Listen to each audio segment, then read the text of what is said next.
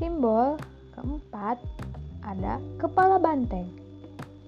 Merupakan lambang sila keempat Pancasila yang berbunyi kerakyatan yang dipimpin oleh hikmat kebijaksanaan dalam permusyawaratan perwakilan yang memiliki arti suara rakyat adalah suara kesatuan.